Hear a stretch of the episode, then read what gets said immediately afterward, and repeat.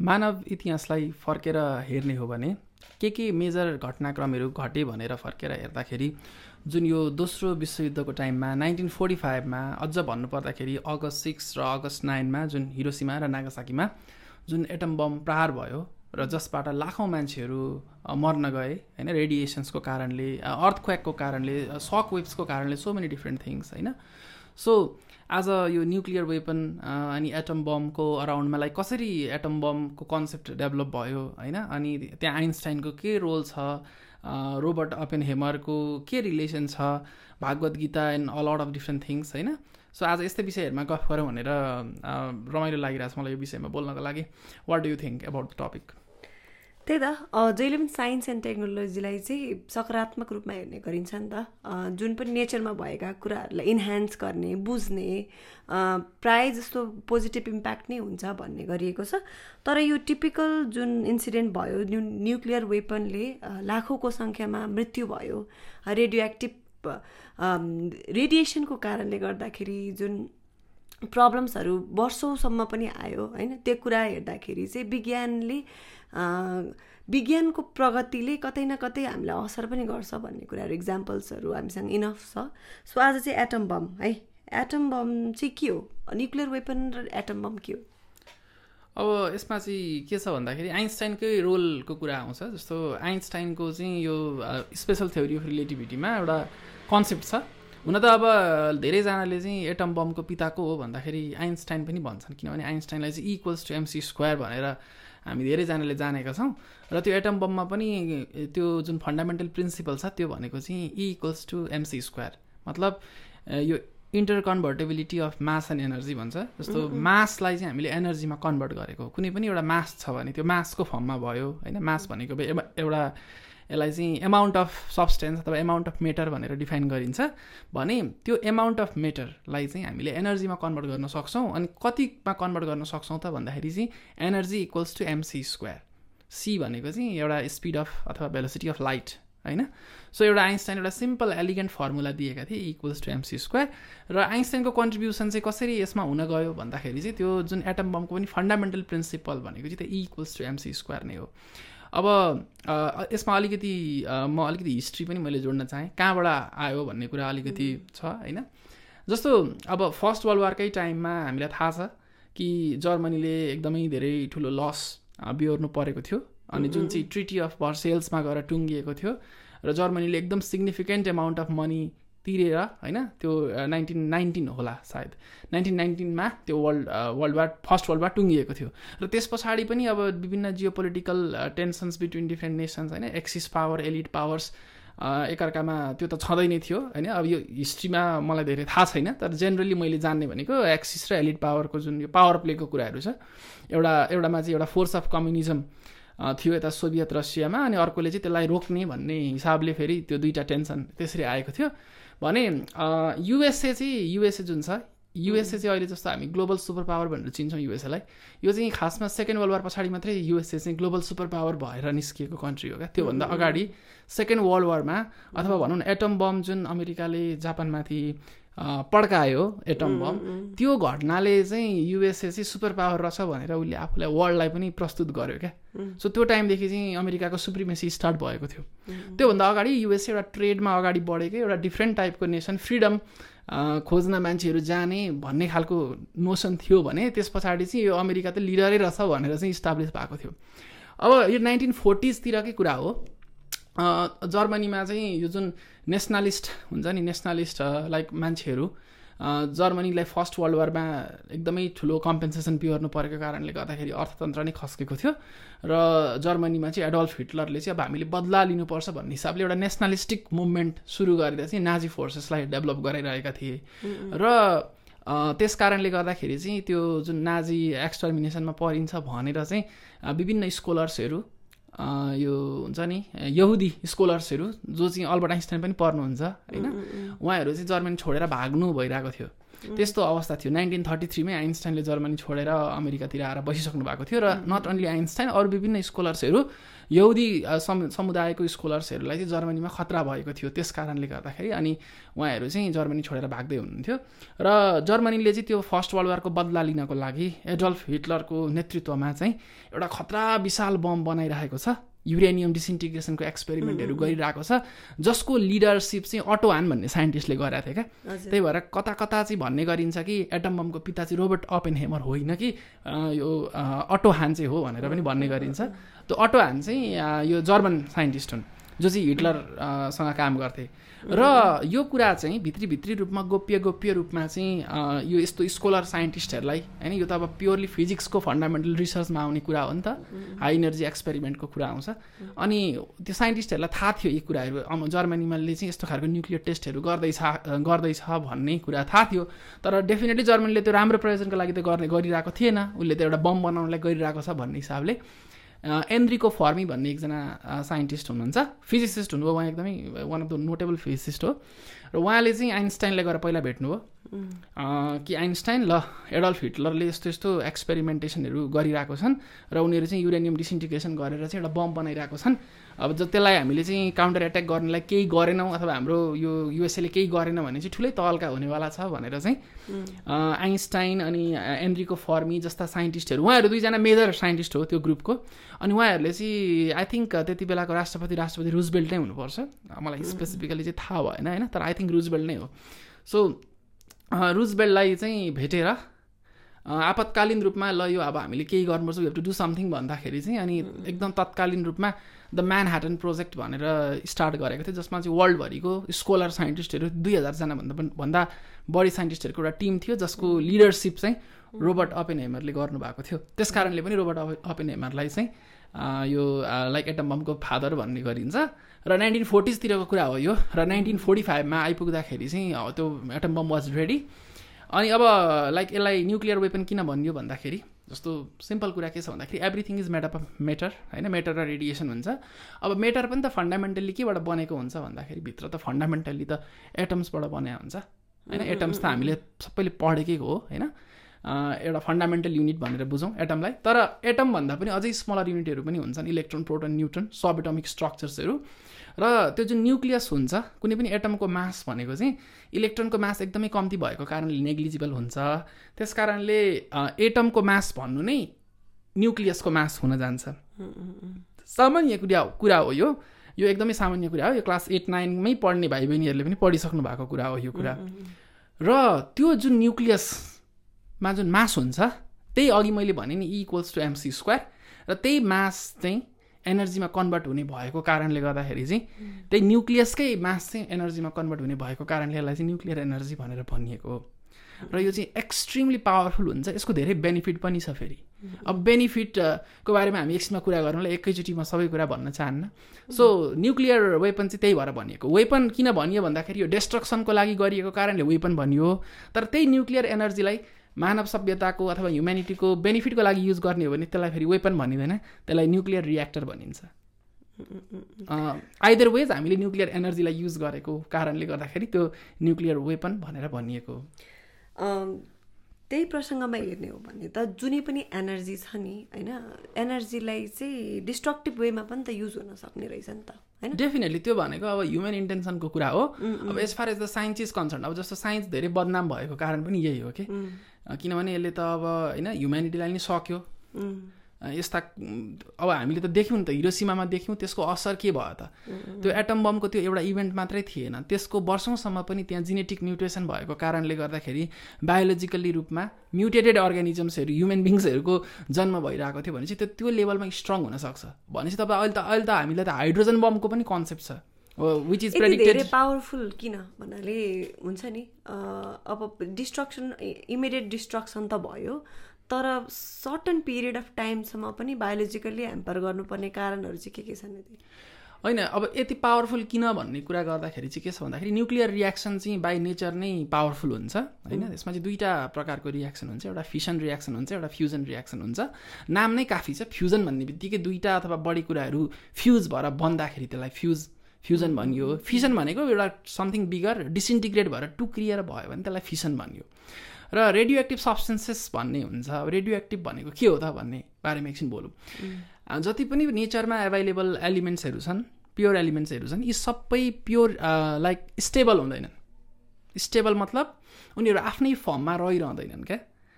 र उनीहरू स्टेबल हुनको लागि उनीहरू चाहिँ टुक्रिनु पर्ने हुन्छ क्या। स्टेबल हुँदैनन्। अनि त्यो टुक्रिँदाखेरि चाहिँ त्यसलाई चाहिँ रेडियो एक्टिभ डिसइन्टिग्रेसन भनिन्छ। र यो चाहिँ एकदमै नेचुरल प्रोसेस हो स्पोन्टेनियस प्रोसेस हो। र त्यही भएर रेडियो एक्टिभ एलिमेन्ट्सलाई चाहिँ हामीले चाहिँ एउटा चेन रियाक्सनको फर्ममा युज गर्न सक्छौँ। चेन रियाक्सन भनेको एउटा रियाक्सनलाई पहिला हामी ट्रिगर गर्छौँ। त्यो एउटा रियाक्सन सकिएपछि त्यहाँबाट तिनवटा एउटा सब एटमिक पार्टिकल रिलिज हुन्छ। र हरेक एउटा पार्टिकलले फेरि आफ्नै आफ्नै चेन रियाक्सन कन्डक्ट गर्छ। भनेपछि एभ्री स्टेपमा त्यो तिन गुणा तिन गुणा बढ्दै जान्छ र सर्टेन टाइम पछाडि त्यसले एउटा थ्रेसोल्ड मास सम्म त्यो पुग्न जान्छ। अनि अनि त्यो अनकन्ट्रोल्ड हुन्छ अनि अनकन्ट्रोल्ड भएपछि चाहिँ एकदमै high amount of energy uncontrolled भएपछि चाहिँ अनि त्यो एक्सप्लोजन भएर चाहिँ बममा कन्भर्ट हुन्छ। तर त्यहीँनिर हामीले कन्ट्रोल गर्ने पनि मेकानिजमहरू छ जसलाई चाहिँ हामीले न्युक्लियर रियाक्टर भन्छौँ। होइन? र न्युक्लियर एनर्जीको कुरा गर्दाखेरि चाहिँ के छ भन्दाखेरि जति पनि ह्युमेनिटीको एनर्जी छ नि हाम्रो सोर्सेस अफ एनर्जी छ यदि सोर्सेस अफ एनर्जी मध्येको सबैभन्दा राम्रो सोर्स अफ एनर्जी भनेको चाहिँ न्युक्लियर एनर्जी हो विच इज सो सरप्राइजिङ धेरैजना मान्छेलाई लाग्छ कि न्युक्लियर भन्ने बित्तिकै यो त एकदमै डेन्जरस हो भन्नेको लाग्छ। अनि दे आर राइट पनि किनभने विभिन्न यस्तो न्युक्लियर डिजास्टरहरू भएको पनि छ धेरैजना मान्छेहरू पनि मरेका छन् होइन? मैले एउटा बुक पढाएको थिएँ यो एनलाइटनमेन्ट नाउ भन्ने स्टिभन पिङ्करले लेखेको बुकमा क्लियरली भनेको छ। जस्तो अहिले हामी कुन सोर्स अफ एनर्जीमा डिपेन्डेन्ट छौँ त भन्दाखेरि हामी अहिले फोसिल फ्युलमा डिपेन्डेन्ट छौँ नि त पेट्रोलियम नेचुरल ग्यासमा डिपेन्डेन्ट छौँ। अब यसको एक्सट्र्याक्सन प्रोसेसलाई हामीले हेर्ने हो भने वर्षमा लाखौँ हजारौँ मान्छेहरूको डेथ हुन्छ अरे क्या वर्ल्डमा। किनभने यो त एक्सट्र्याक्सनको लागि त धेरै तल गएर माइनिङ गर्ने कुराहरू हुन्छ होइन? र त्यहाँ चाहिँ लाखौँ मान्छेहरू मरिरहेको छन् यो यो फोसिल फ्युल होइन नेचुरल ग्यास पेट्रोलियम एक्सट्र्याक्सन गर्दाखेरि। त्यसमा चाहिँ कसैलाई पनि मतलब छैन। र न्युक्लियर डिजास्टरको कुरा गर्ने हो भने अब त्यो एटम बम त एउटा ह्युमन इन्टेन्सनले बम कसैलाई क्षति पुर्याउने उद्देश्यले गरिएको कुरा थियो राइट सो त्यसलाई काउन्ट गरिएन होइन? तर जति पनि यो न्युक्लियर एनर्जी लाइक बेनिफिटको लागि युज गर्नको इन्टेन्सनले यु बनाइएको न्युक्लियर एनर्जी छ त्यसमा मरेको मान्छेहरू गन्ने हो भने not more than one thousand होइन अब एकतिर लाखौँ मान्छे मरिरहेको छ every year nobody gives damn about that अनि अर्कोतिर न्युक्लियर एनर्जी छ जहाँ चाहिँ अलमोस्ट लाइक वान थाउजन्ड मान्छे मऱ्यो होला अहिलेसम्म। तर त्यहाँ चाहिँ स्ट्रिक्ट रेगुलेसन्सहरू छ क्या के भनेर? किनभने यो एकदमै डिस्ट्रक्टिभ छ भनेर। किन भन्दाखेरि त्यो त्यो सेकेन्ड वर्ल्ड वारको इन्सिडेन्टले नै किनभने इन्टेन्सन राम्रो भएन भने त न्युक्लियर एनर्जीले त बर्बाद बनाउने रहेछ नि त। इन्टेन्सन राम्रो भएर त्यसलाई युज गर्ने बेनिफिटको हिसाबले गऱ्यो एक्सट्र्याक्ट गऱ्यो भने that's such a good energy किन राम्रो भन्दाखेरि यो क्लिन एनर्जी पनि हो। हन्ड्रेड पर्सेन्ट क्लिन एनर्जी हो। क्लिन एनर्जीको मतलब यो एनर्जी एक्सट्राक्सन प्रोसेसमा कार्बन फुटप्रिन्ट इन्भाइरोमेन्टमा जिरो हुन्छ। हामीले अहिले फोसिल फ्युल पेट्रोलियम जति पनि युज गरिरहेको छौँ यी भनेको त नेचरलाई हेर्ने हो भने त यो त सबैभन्दा हानिकारक लाइक एनर्जी रिसोर्सेस हुन्। किन भन्दाखेरि यिनीहरूले चाहिँ कार्बन एकदमै सिग्निफिकेन्ट एमाउन्टमा कन्ट्रिब्युट गरिरहेको हुन्छ इन्भाइरोमेन्टलाई जसले गर्दाखेरि ग्लोबल वार्मिङ होइन ओजन लेयर डिप्लिसन यस्ता प्रब्लम्सहरू आइरहेको छन्। होइन? भनेपछि अब अहिले त हामीलाई यो ग्लोबल वार्मिङको पनि त ठुलो एउटा प्रब्लम छ नि त अर्थमा कसरी त्यसलाई हामीले लाइक एउटा प्रिभेन्ट गर्ने भन्ने। होइन? सो त्यसमा हामीले चाहिँ कार्बन फुटप्रिन्ट रिड्युस गर्नको लागि एनर्जीहरू प्रोडक्सन गर्ने भनेर सोलर एनर्जीमा पनि एम्फसाइज गरिरहेको छौँ। तर we at the same time we forget that nuclear energy such a wonderful source of energy but just because of the के भन्छ यो ह्युमन इन्टेन्सन यो पावर हातमा भइसकेपछि चाहिँ ह्युमन इन्टेन्सन चाहिँ जता पनि जान सक्छ होइन? त्यो चाहिँ ह्युमन बेनिफिटलाई नभइकन ह्युमनलाई नै डेस्ट्रक्सन गर्न पनि युज हुनसक्छ भन्ने कारणले त्यसलाई रेगुलेसन गर्नु परेको कारणले गर्दाखेरि मात्रै we have not been able to use nuclear energy to its fullest capacity as of now जसरी अब डिस्ट्रक्सनको डरले होइन सर्टेन कुराहरू रेस्ट्रिक्सन्सहरू आयो यो कोड अफ इथिक्स हुन्छ हुँदैन। फर इक्जाम्पल जसरी अब यो एटम बम विस्फोटले गर्दाखेरि सर्टेन मान्छेहरूलाई अथवा सर्टेन सेन्टिमेन्टहरू यति स्ट्रङली हर्ट भएको छ भोलिका दिनहरूमा सर्टेन फर्मुलाज अथवा सर्टेन कुराहरूले चाहिँ असर होला भनेर कुनै कोडहरू इथिक्सहरू त्यसले युजहरू नहुने अथवा हुन्छ जसरी कपिराइट भने जस्तै अब साइन्समा चाहिँ पर्टिकुलर साइन्टिस्टहरूको मेरो यो सर्टेन कुराहरूमा युज हुन दिँदिनँ भन्ने त्यस्तो रेगुलेसन छ छैन। डेफिनेटली छ। त्यो चाहिँ अब त्यही हामीलाई सेकेन्ड वर्ल्ड वारको एटम बमको इन्सिडेन्टले नै रियलाइज गराइदियो कि हामीले यसमा यसलाई चाहिँ स्ट्रिक्टली मोनिटर गर्नुपर्ने रहेछ रेगुलेसन गर्नुपर्ने रहेछ नत्र चाहिँ प्रब्लम हुने रहेछ भन्ने कुरा रियलाइज गरेर चाहिँ अहिले चाहिँ यसमा चाहिँ के छ भन्दाखेरि जहिले पनि होइन जस्तो अब एटम बम भयो अथवा कुनै एक्सप्लोसिभ मिसाइल भयो होइन यस्तो खालको लाइक फाइनल डिसिजन गर्दाखेरि चाहिँ कहिले पनि एउटा मान्छेलाई कि दिइँदैन क्या। किनभने एउटा मान्छे त त्यो साइकोप्याथ पऱ्यो भने त सक्यो नि त फेरि अर्थ। होइन? अर्थ नै डेस्ट्रोय गर्ने खालको न्युक्लियर बम होला हामीसँग। अनि त्यो कमान्डर त्यो चलाउने कमान्डर चाहिँ साइकोप्याथ होला। अथवा त्यसको घरमा झगडा परेर आएको होला उसको मुड खराब भएको होला। अब उसले रिस उठाएको झोकमा अथवा उसको डिसिजन मेकिङ इन्फ्लुएन्स हुनसक्छ नि त त्यस्ता कुराले। सो हामीले के गर्छौँ भन्दाखेरि यसको कोड अफ कन्डक्ट भनेको चाहिँ एउटा टिम अफ कमिटीले मात्रै त्यसलाई त्यसको के हुन्छ क्या? अथवा दसजना मान्छे छ भने दसजनाकै त्यहाँ सहमति भयो अथवा एटलिस्ट एट्टी पर्सेन्टको सहमति भयो अथवा फिफ्टी पर्सेन्टको सहमति भयो भने मात्रै त्यो चाहिँ अन हुने। होइन यस्तो खालको त्यो बनाउँदैखेरि सिस्टममै यसरी बनाइएको हुन्छ क्या। एउटा मान्छेलाई यो कुराहरू कन्ट्रोल गर्न दिने भन्ने कुरा चाहिँ त्यो सेकेन्ड वर्ल्ड वारकै इन्सिडेन्टले मान्छेले बुझेर चाहिँ यो यो चाहिँ एउटा कोड अफ एथिक्स नै हो साइन्टिस्टहरूले चाहिँ यस्तो बम्सहरू लिएर होइन यस्तो न्युक्लियर रियाक्टर यस्तो खालको सेन्सिटिभ कुराहरू ह्यान्डलिङ गर्नु पर्दाखेरि चाहिँ not one not two but group of पिपलबाट मात्रै मोनिटर्ड हुने रेगुलेट हुने उनीहरूबाट मात्रै त्यो पास हुने गरी त्यसलाई बनाइएको हुन्छ। एउटा मेजर कुरा चाहिँ त्यही हो। र अब लाइक जियो पोलिटिकल कुराहरूमा कुरा गर्ने हो भने त सेकेन्ड वर्ल्ड वारको इन्सिडेन्ट पछाडि त हामीले यो जुन फर्स्ट वर्ल्ड वारमा हामीले जुन लिग अफ नेसन्स थियो लिग अफ नेसन्सलाई कसैले पनि टेरेन नि त। लिग अफ नेसनलाई सबैले टेर दिएको भए त सेकेन्ड वर्ल्ड वार हुने नै थिएन नि त होइन? सो त्यस कारणले हामीले अहिले युनाइटेड नेसन्स बनायौँ। अनि युनाइटेड नेसन्स कति स्ट्रङ छ उसको यो। अब हुन त यहाँ पनि पोलिटिक्स चल्छ भिटो पावर हुने सर्टेन कन्ट्रिजहरू छन् उनीहरूको लाइक उनीहरूले भनेको कुराहरू इन्फ्लुएन्स हुन्छ होइन? त्यो आफ्नो ठाउँमा छ। तर लाइक युनाइटेड नेसन्स भनेकै थर्ड वर्ल्ड वार हुन नदिने। सबैलाई मिलाएर लाने भन्ने उसको मोटिभ नै त्यही हो नि त। सो त्यो चाहिँ सेकेन्ड वर्ल्ड वारको इन्सिडेन्टले नै अब जियो पोलिटिकल कुराहरूमा युनाइटेड नेसन्स आयो र यता साइन्टिफिक कुरामा चाहिँ जुन अघि मैले भने लाइक एउटा यो कि चाहिँ group of committee group of पिपलले मात्रै त्यसलाई पास गर्दाखेरि हुने एउटा मान्छेबाट नहुने भनेर यस्तो खालको लाइक सर्टेन कोड अफ एथिक्सहरू डेभलप भएको छ। सो अझ यस्तै जसरी अब यो एटम बम एउटा इक्जाम्पल थियो होइन? यस्तै न्युक्लियर वेपनका भोलिका दिनहरूमा सर्टेन फर्मुलाज अथवा सर्टेन कुराहरूले जेनेरेट हुन सक्ने अदर इक्जाम्पल्सहरू छ अथवा पोसिबल केही जुन हुन्छ नि हामीले फ्युचरिस्टिक तरिकाले हेर्ने हो भने चाहिँ के हुन सक्ला नसक्ला फ्युचर न्युक्लियर वेपन्सहरू चाहिँ?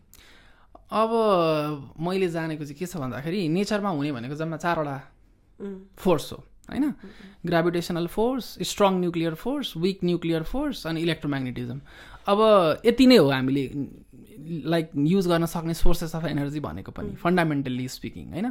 त्यसमा पनि हामीले जुन अहिले न्युक्लियर एनर्जीको कुरा गरिरहेको छौँ फिसन फ्युजन भन्ने नै न्युक्लियर रियाक्सन नै हो हामीले कुरा गरेको। त्यही भएर अब नेक्स्ट लेभलको भन्ने चाहिँ हुँदैन। तर अघि मैले भने नि जुन हाइड्रोजन बमको कन्सेप्ट छ जुन चाहिँ one thousand times more powerful हुन्छ क्या यो एटम बम भन्दा। जुन चाहिँ हिरोसिमामा युज गरिएको थियो। भनेपछि that is so much dangerous क्या? It has it has a potential to destroy earth seven times sir तर त्यो त्यो लाइक डिरेक्सनमा रिसर्चहरूलाई पनि रेस्ट्रिक्सन गरिएको हुन्छ। गर्नु पनि पर्छ। किनभने वी वी नेभर नो होइन? अमेरिकाले इरानलाई किन यति प्रब्लम गराइ गराइरहेको छ भन्दा त्यही न्युक्लियर वेपन्सहरू उसले गरिरहेको छ। अथोरिटी नभइकन उसले आफ्नो तरिकाले एक्सपेरिमेन्टेसन गरिरहेको छ। किनभने जस्तोसुकै लुजरको हातमा पनि यदि न्युक्लियर वेपन भयो अथवा हाइड्रोजन बम भयो भने त उसले त वर्ल्डलाई त ब्ल्याकमेल गर्न सक्छ नि त। So it is very very sensitive thing so like यही हो तपाईँले सोध्नु भएको question did I understand the question correctly त्यही त अब भोलि अब जसरी एउटा ठुलो इन्सिडेन्ट भयो भोलिका दिनमा होला नहोला भन्ने एउटा अनुमान मात्रै। किन भन्दाखेरि हामीलाई त थाहा हुँदैन होइन मेबी हामीले जे कुरा पनि पोसिबल देखिरहेको हुन्छौँ नि त। हजुर। होइन अब हामीले यो न्युक्लियर एनर्जी बराबरको जुन छ यसलाई हामीले हाम्रो बेनिफिटमा युज गर्न सकिएको चाहिँ छैनौँ क्या। जस्तो वेपनको रूपमा युज भयो अनि वर्ल्ड नै दुखी भयो त्यो कुरा देखेर कुन लेभलमा त्यसले डिस्ट्रक्सन गर्न सक्छ भनेर तर त्यसैलाई त्यो एनर्जी त हो रहेछ नि त लाइक त्यो बम भयो नराम्रो कुराको लागि युज भयो द्याट्स अ डिफ्रेन्ट डिस्कसन तर if you look at the physics of it त्यो त ट्रेमेन्डस एमाउन्ट अफ एनर्जी रहेछ नि त भन्छ त्यसलाई हामीले चाहिँ इलेक्ट्रिसिटी जेनेरेसनमा युज गर्न सक्यौँ भने कति वन्डरफुल हुन्छ होला। किनभने हाम्रो अहिले यो इलेक्ट्रिसिटी कन्जम्सन पनि त बढिरहेको छ नि त। रिक्वायरमेन्ट्स हाम्रो बढिरहेको छ। अब हामीले चाहिँ लाइक यो हाइपरलुपको कन्सेप्टहरू आइरहेको छ। जुन चाहिँ यो अन्डरग्राउन्ड टनेलबाट लाइक ड्राइभ हुने होइन? फास्ट हुन्छ जुन त्यसको रिक्वायरमेन्ट एनर्जी रिक्वायरमेन्ट एकदमै हाई हुन्छ। सो वर्ल्डको एनर्जी रिक्वायरमेन्टलाई मिट गर्नको लागि what is the alternative source of energy fuel energy त अबको सिक्सटी इयर्स सकिँदैछ। पेट्रोलियम नेचुरल ग्यास यी भनेको त सबै non renewable sources of energy हो नि त। अब यो त प्रेडिक्सन छ फिफ्टी फिफ्टी इयर्समै सकिन्छ भन्छन् सर्टेन मान्छेले त सर्टेन साइन्टिस्टहरूले त होइन? सो यो सकिएपछि what is the next solar energy definitely not किनभने सोलर एनर्जी त हामीलाई सफिसियन्ट छैन। अहिले यत्रो युज गर्दाखेरि पनि टु पर्सेन्ट थ्री पर्सेन्ट पनि हामीले ग्लोबल टोटल लाइक एनर्जीमा सोलर एनर्जी आउँदैन। लेस देन फाइभ पर्सेन्ट छ। होइन? अनि अर्को प्रब्लम छ सोलर एनर्जीको स्टोरेजमा फेरि। अनि स्टोरेजमा पनि फेरि त्यो जुन ब्याट्री युज गरिन्छ त्यो पनि इन्भाइरोमेन्टलाई एकदमै लाइक टक्सिक छ। होइन? सो यस्ता विभिन्न प्रब्लमहरू छन् र यी सबै कुराहरूलाई कन्सिडर गर्ने हो भने nuclear energy is a wonderful source of energy it is the cleanest source of energy अनि on top of that it has tremendous potential तर द प्रब्लम इज यो डिरेक्सनमा रिसर्च अगाडि बढ्न सकेको छैन. Why because of the fear that nuclear weapon पनि at the same time develop हुन्छ. र यो एउटा प्याराडक्स छ. We need it it is a type of a necessary evil अब रिसर्चमा कसैले रोकटोक भन्दा पनि होइन साँच्ची नै खोजी गर्ने क्रममा त हुन पनि त सक्छ नि त होइन र? मतलब? भन्न खोजेको अब न्युक्लियर एनर्जीमा जुन चाहिँ रिसर्च रेस्ट्रिक्सनहरू गरिएको छ भन्नुभएको छ होइन? अब कसैले रेस्ट्रिक्ट गरेर रेस्ट्रिक्ट हुन सक्छ र यस्ता रिसर्चहरू हो एक्ज्याक्टली अब त्यसको मतलब के भयो त? अब हामीले कि इरानलाई न्युक्लियर वेपन डेभलप गर्न दिने त? त्यो लाइन कहाँ ड्र गर्ने त? गुड एन्ड इभिलमा लाइन कहाँ ड्र गर्ने त? कसले चाहिँ बेनिफिटको लागि युज गरिरहेको छ र कसले वेपन बनाउने युज गरिरहेको छ भनेर लाइन कहाँ ड्र गर्ने। प्रब्लम नै त्यही छ नि जस्तो आजको घटना घट्यो सलमान रुस्ती। होइन? अब त्यस्ता कम्युनिटिजहरू त्यस्ता कन्ट्रिजहरू पनि त छन् नि त जसले चाहिँ वर्ल्डलाई नै डिस्ट्रोय गराउन एकदम रेडी छन्। वर्ल्डलाई नै रेस्ट नगरा नगराए पनि वेस्टर्न फोर्सेसलाई डिस्ट्रोय गराउन उनीहरू आतुर छन्। किनभने उनीहरू त ग्लोबल ह्युमेनिजमबाट हामी जसरी लाइक ओतप्रोत छैनन्। उनीहरूलाई we are supreme of all the races in the earth भन्ने उनीहरूलाई लाग्छ। भनेपछि त how how do we draw the line भन्छ उनीहरूलाई रेस्ट्रिक्स तर उनीहरूलाई रेस्ट्रिक्ट गर्ने बित्तिकै त के भयो त फेरि? हामी त रेसिस्ट भयौँ नि त फेरि। So it's it's very difficult way to draw the line भन्ने कुरा इट्स सो डिफिकल्ट सो यस्तो कुराहरूमा चाहिँ अब जति पनि साइन्टिस्टहरू हुन्छ जो पनि शुभचिन्तकहरू हुनुहुन्छ होइन उहाँहरूको भनाइ के छ? त्यतिखेर जुन एटम बम खस्दाखेरि पनि जो जो साइन्टिस्टहरूको कारणले कन्ट्रिब्युट भइरहेको थियो उहाँहरूको फिलिङ कस्तो थियो? अथवा उहाँहरूको हुन्छ नि एउटा कन्क्लुटिभ कन्क्लुजनमा होइन किन भयो? अथवा कसरी भयो भन्ने कुरामा कस्तो थियो विचार त्यतिखेर? ओ ओके ल यो अब एकदमै राम्रो कुरा उठाउनु भयो किन भन्दाखेरि त्यो एउटा फेमस कोटेसन छ क्या रोबर्ट अपेन हेमरले हुन चाहिँ यो त्यो हिरोसिमाको इन्सिडेन्टभन्दा अगाडिकै लाइक आई थिङ्क एक महिना जति अगाडिको टाइममा नाइन्टिन फोर्टी फाइभ अगस्त सिक्सभन्दा एक महिना जति अगाडि जुलाईको मन्थ हुनुपर्छ। टेस्ट गरिएको थियो नि त एकचोटि लाइक कतिको इफेक्टिभ होला नहोला होइन? अनि टेस्ट गर्दाखेरि चाहिँ न्यु न्यु मेक्सिको एउटा डेजर्टमा त्यसलाई टेस्ट गरिएको थियो। अनि जुन पोटेन्सियलले त्यो एउटा एउटा अब त्यो लाइक रक अथवा कुनै माउन्टेनमा लगेर टेस्ट गरिएको थियो कतिको फोर्सेस छ भनेर त अलिक अलिक सानो भर्सनको होला सायद होइन किन ठुलै भर्सनको त टेस्ट गर्दैन। र जुन पोटेन्सियलले ज जति एक्सपेक्टेसन थियो त्योभन्दा बढी एनर्जी रिलिज भएर जसरी त्यहाँ डिस्ट्रक्सन भयो त्यो देख्दाखेरि चाहिँ त्यही म्यानहाटन प्रोजेक्ट त्यही एटम बम बनाउने प्रोजेक्ट त्यसको लिडर रोबर्ट अपेन हेमरले चाहिँ एउटा कोटेसन भन्नुभएको थियो क्या। के भन्नुभएको थियो भने let me remember now I become death the destroyer of the worlds भनेर भन्नुभएको थियो क्या? अनि यो चाहिँ ठ्याक्कै यो भागवत गीतामा छ क्या? जुन चाहिँ आई थिङ्क कृष्णले अर्जुनलाई भन्नुभएको थियो क्या? त्यो कुरुक्षेत्रको यो युद्ध भएको टाइममा भन्नुभएको थियो क्या? अनि धेरैजनाले चाहिँ अब एउटा personal level Robert Oppenheimer चाहिँ इस्टर्न मिस्टिसिजमबाट धेरै नै इन्फ्लुएन्स्ड हुनुहुन्थ्यो। उहाँले पर्सनल्ली पनि संस्कृतदेखि लिएर यस्ता कुराहरू स्टडी गर्नुभएको थियो। अब पर्सनली त अब मान्छेहरू विभिन्न कुराहरूमा इन्ट्रेस्टेड हुन्छन् अनि आई ट्रुली एकदम हुन्छ एप्रिसिएट द फ्याक्ट कि उहाँ एउटा होइन डिफ्रेन्ट कल्चरको भएर पनि कि लाइक यो इस्टर्न मिस्टिसिजमलाई त्यो लेभलमा अध्ययन गर्नुभएको थियो उहाँले अनि त्यही भागवत गीताको त्यो कोटेसन भन्नुभएको थियो क्या। त फेरि भागवत गीताबाटै इन्सपायर्ड भएर बम बनेको भनेर चाहिँ फेरि कोही कोही फटाहरूले इन्टरप्रिटेसन गरिदिन्छन् त्यस्तो चाहिँ होइन फेरि। किन राम्रो कुरालाई जसले पनि भन्छ होइन एप्रिसिएट गर्छ। त्यो रोबर्ट अपेन हेमेरले पनि त्यही हो। Bhagavad गीताबाट he was already so influence त्यही भएर उहाँले त्यो कोटेसन भन्नुभएको थियो। अनि अब आइन्स्टाइनको कुरा गर्दाखेरि चाहिँ जुन एटम बम घटना घटेको बेलामा चाहिँ I think I heard I think भन्नु पऱ्यो हर्ड भनेको त कस्तो फेरि मै त्यति बेलै अलाइ भयो जस्तै भयो। सो त्यति बेला चाहिँ I think he was travelling on a train स्विजरल्यान्डमा एउटा ट्रेनमा तया लाइक सवारी गर्दै हुनुहुन्थ्यो अरे।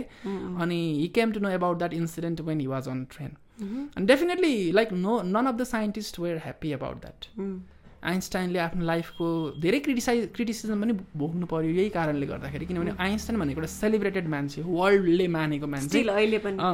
अब के भन्छ पर्सन अफ द सेन्चुरी नै हो नि त ऊ त होइन? सो ट्वेन्टिथ सेन्चुरीको पर्सन अफ द सेन्चुरी हो।